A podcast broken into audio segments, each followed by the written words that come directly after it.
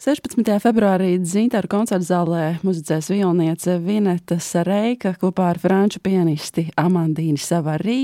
Abas ir jau ilgadējas skatuves partneres, spēlējušas arī slavenajā trio dalī, un koncertu gaidot šobrīd esmu sazvanījusi Vinetu Sareiku. Labdien! Labdien! Kur esmu šobrīd jūs notvērusi vai Berlīnē? Es tikko atgriezos atpakaļ Berlīnē no trim jaukām dienām Vīnē, kur mēs kopā ar Amandīnu strādājām pie šīs programmas, ko atskaņosim jūrmalā. Grīgas sonātas un Maucerta sonātas esat kopā spēlējušas un ieskaņojušas, un nu ir kārta Johannese Brāmsa sonātēm.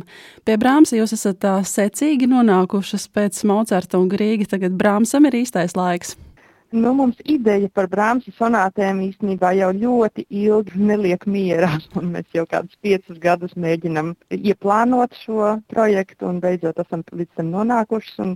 Īstenībā jāsaka, tas ir diezgan likumsakarīgi un es esmu priecīga, ka tas nenotika ātrāk, jo manuprāt šai mūzikai tiešām ir nepieciešama zināma, nu, zināms briedums un zināma tāda pārliecība, teiksim mums vienmēr ir interesanti pievērsties kāda komponista pilnai daļradē, tāpēc mēs arī agrāk spēlējām ļoti daudz grīgu vienā gadā, un tad Mocartu ir kaut kā interesanti saprast to personību un, un, un mēģināt, jā, varbūt pāanalizēt arī viņa māksliniecisko attīstību, un, un Brāmsa gadījumā tas ir īpaši interesanti, jo, kā zināms, viņš bija liels perfekcionists, un pirms viņš saņēmās šo pirmo vioļu sonātu parādīt pasaulē, viņš jau bija vismaz kādas piecas sonātas uzrakstījis, bet diemžēl iznīcinājis, jo viņš uzskatīja, ka viņas nebija gana labas. Un, un, un, un tāpēc šī pirmā sonāta, opus 78, jau tiešām ir brieduma darbs, kur viss ir savās vietās un, un kur tiešām ir jā, tāds liels radošs vēriens un tā viņa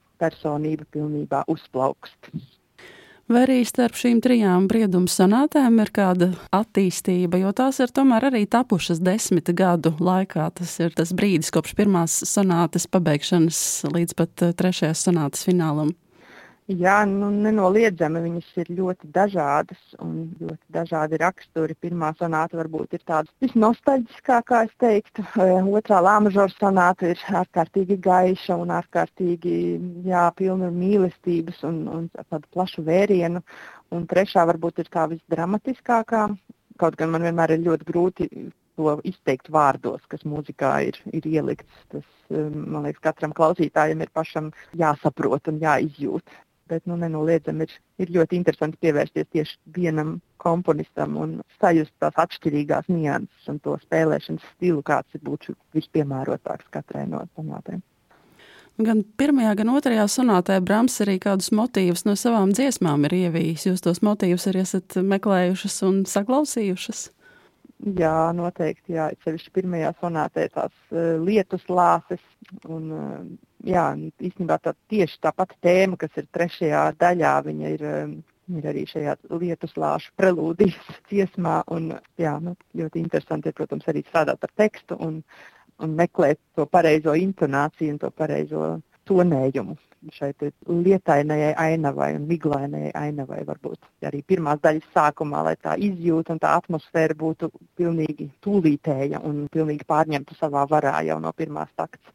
Jā, šīs dziesmas un teksta pārzināšana arī palīdz atrast kādu atslēgu pašai sonātei. Tās noskaņas ir kopīgas. Nu, tas ir viens no veidiem, kā pietuvoties šai mūzikai. Es domāju, tas noteikti nav vienīgais. Jā, mums vienmēr ir interesanti arī klausīties skaņdarbus, kas ir radušies apmēram tajā periodā. Un, un mēs mēģinām neiespaidoties tik ļoti no citiem no citām interpretācijām, ceļš tādā gadījumā, ja, ir, eh, ja mēs atskaņojam kādu ļoti populāru skaņdarbu, kā piemēram trešo vīru sonātu, kas tiešām ir izspēlēta tad, nu, tik, tik ļoti daudz, daudzos veidos, mēs mēģinām tiešām distancēties no tā un, un iztēloties, ka šis skaņdarbs tikko svaigi radīts un, un mēģināt kaut ko savu ielikt tajā. Un es domāju, jā, mūzikā jau ir ļoti daudz arī tas spontānais un tas intuitīvais, kur katrs mākslinieks redz šajā mūzikā, arī neskatoties uz to kontekstu, tīri personīgi no savas pieredzes. Nu, ja mēs vēl par tiem motīviem runājam, tad uh, otrajā sonātē tur varot spekulēt. Pirmās trīs notis no Vāgnera, Nirnbergas meistara dziedoņu melodijas arī ir devušas tādu nosaukumu reizēm šo sonātu sauc par meistara dziedoņu sonāti. Tur ir jēga meklēt šādas paralēlas vai nē? Nu, es nezinu, mēs varbūt tās mazāk tā tik konkrēti meklējam šādas paralēlas, bet drīzāk mēģinam apkost to izjūtu un to raksturu. Un, jā, to varbūt tādu garstāvokli, kāda bija tā dzīves periods Brāmsam, kāds viņš bija kā cilvēks, kad viņš šo skaņdarbu rakstīja. Un man šķiet, ka viņš bija ļoti, ļoti stipri iemīlējies. To var just katrā intonācijā un katrā notīta. Šī, šī sonāta ir pilna tādas starojošas mīlestības un tāda apbrīnas un tāds lidojums pilnīgi. Nu, jā, tā kā taureņa vēderā, man liekas, ir jūtams šajā mūzikā. Jā, mēs mēģinām kaut kā tā intuitīvi uztvert to vēseles stīgu, kāda ir bijusi Brāmsam šajā laikā. Nezinu, vai mums tas izdosies, bet tā, tā, tā ir tā mūsu pieeja. Nu, laikam jau otrajā sonātē, jo īpaši tas Brāmas melodiķa talants ir jūtams. Šo sonātu viņš ir rakstījis, iedvesmojoties gan no mīlestības jūtām, gan arī no apkārtnes tunā, netālu no bērnes, arī no bērnes pašas. Jā. Um, un viņš ir teicis, ka šī apkārtne ir tik pārpilna ar dažādām melodijām, ka jāuzmanās, lai kādai neuzkāptu. Jā, tiešām tur ir. Es domāju, visā šajā programmā un šajā violas sonātu žanrā Brāmsam ir izdevies parādīt sevi kā fantastisku melodiju. Tiešām tās melodijas tādas, ka liekas, viņam varētu dziedāt līdzi. Viņas nevar būt, ka kāds viņas ir sakomponējis. Viņas ir kā, cilvēces ģenētiskajā kodolā, viņas jau ir ierakstītas. Nu, ir tāds sajūta, ka, viņas, ka tas ir kaut kas tik dabisks un tik pašsaprotams kaut kādā ziņā. Un, es, un arī mūsu darbā pie interpretācijas mums bija ļoti svarīgi to dabisko plūdumu netraucēt, vai mēģināt atrast tādus tehniskus risinājumus, lociņu strihus vai frāzējumus, kas atļautu tam plūdumam būt pēc iespējas dabiskākam. Par otro sonātu Brāms ir rakstījis sonāta klavierēm un violēji. Tādējādi pasvītrojot to, ka ne tikai viola ir kā solo instruments un klavieres veido pavadījumu, bet ka abi šie ir vienlīdz svarīgi spēlētāji šajā sonātē. Ir tā? Jā, pilnīgi noteikti. Nu, īstenībā visās sonātēs ir teiktu, diezgan līdzvērtīgs tas lomu sadalījums, bet nu, sevišķi otrajā, protams, jā, tur ir pianistam ir ko pasvīst. Ir, protams, ļoti daudz notis un ļoti daudz, ļoti lielas tie intervāli. Un tas, man liekas, dod tai mūzikai arī to plašo vērienu, kad vienlaicīgi dzird to smalko un maigo soprāna balsi, bet tie basi paņem savā varā. Viņi tā pilnīgi to mūziku nu, nes uz priekšu un piedod lielu dziļumu.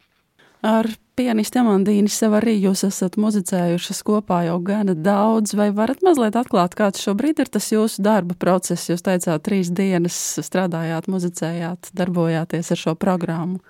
Jā, nu šobrīd tas ir nedaudz savādāk. Agrāk mēs dzīvojām, mēs bijām mazliet kaimiņienes Berlīnē, un tad nācās arī, protams, mēs satikāmies daudz biežāk. Šobrīd viņa dzīvo Vīnē, viņa ir eh, profesore MDV Mākslu universitātē Vīnē.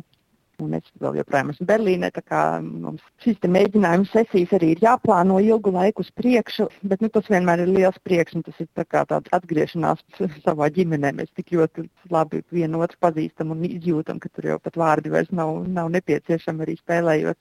Pat ne skatienu, mēs jau pilnīgi ar, ar to intuīciju kaut kā jūtam vienu otru un tos taimingus vai kaut kādas frāzējuma lietas. Un, um, Nu, jā, mēs mēģinām katru reizi, mums ir kāda jauna programma, pietiekami agri sākt darbu pie jaunajiem opusiem. Vienreiz varbūt satikties Berlīnē un jā, iziet cauri pirmo reizi šai programmai, varbūt mazāk detalizēti, vienkārši iepazīties ar to muzikālo materiālu, un tad, tad varbūt paiet kāds mēnesis vai divi, un tad satiekamies atkal un ejam jau dziļāk. Un, um, jā, man jāsaka, ka tam ir ļoti lielas priekšrocības, jo šis laiks, kas ir starp mūsu satikšanās reizēm, kaut arī mēs aktīvi varbūt tās e, nenodarbojamies ar šo repertuāru, bet kaut kādā ziņā tas briedums rodās tajā laikā. Un, un katru nākamo reizi, kad mēs satiekamies, ir jau jā, kaut kāds solīts uz priekšu spērts. Neskatoties to, ka mēs varbūt tās aktīvi neesam pie tā strādājuši. Tā tas tāds interesants e, vērojums šajā sakarā. Un darbs ar Berlīnas filharmoniķiem tikmēr mazliet var pagaidīt, kamēr jūs gatavojat uh, kameru mūzikas programmu par Berlīnas filharmoniķu koncertmeistaru. Jūs kļuvāt pirms nepilna gada pavasarī. Šobrīd arī orķestrim koncerti gaidāmi. Tajos jūs nespēlēsiet. Nē, tagad man tiešām ir eh, gandrīz mēnesis brīvs. Bija ļoti intensīvas nedēļas, tikko ar eh, dažādām ļoti atšķirīgām jaunām programmām, bet, eh, bet mēs esam trīs koncertmeistari, tā kā mēs sadalām sezonu līdzvērtīgi, un, un tad katram ir arī laiks pievērsties kādiem personīgiem projektiem, kameru mūzikai vai nu, kas nu kuram tuvāks pie sirds. To es ļoti priecājos. Jā, šajos orķestrā gaidāmajos koncertos februārī kopā ar orķestri muzicēs violniece Līsa Batiešvili. Tā ir šobrīd Berlīnas Filharmoniķu rezidējošā mākslinieca šajā sezonā. Jums jau ir iznākusi sadarbība ar viņu? Nē, diemžēl man, man vēl tā sadarbība ar viņu nav bijusi, un arī šos koncertus tas tieši būs, man liekas, tajā nedēļā, kad mums paredzēti koncerti Latvijā. Diemžēl šoreiz man nesanāks ar viņu tikties, bet eh, šķiet, ka eh, Bādenes Lieldienu festivālā es spēlēšu orķestrī, kad viņa apskaņos ar mums Sibēlijos vīru koncertu. Tas būs tāds pirmais, mums pirmā sadarbība. Sibēlijos vīru koncerts jūsu pašas repertuārā ir bijis? Jā, jā domāju, ka tas laikam katra violnieka repertuārā ir tāds stūrakmens. Kā tas ir klausīties citu solistu un pašai būt pie orķestra pirmās pults? Nu, tas vienmēr ir ļoti interesanti. Tas ir tāds, jā, ļoti zināms skaņdarbs, kurā katru reizi ir iespējams atklāt kaut kādas jaunas šķautnes un kaut ko, par ko varbūt tās pats neesi aizdomājies. Un, nu, tas vienmēr ir ļoti, ļoti iedvesmojoši. Vai jūs varat mazliet pastāstīt, kāds jums ir bijis šis nepilnais gads, kopš esat Berlīnas filharmoniķa koncertmeistari? Kāds jums ir tas bijis tieši orķestra kontekstā, vai tas ir piepildījis to, ko jūs esat gaidījusi? Noteikti dažādas jaunas šķautnes jums ir nācies piedzīvot.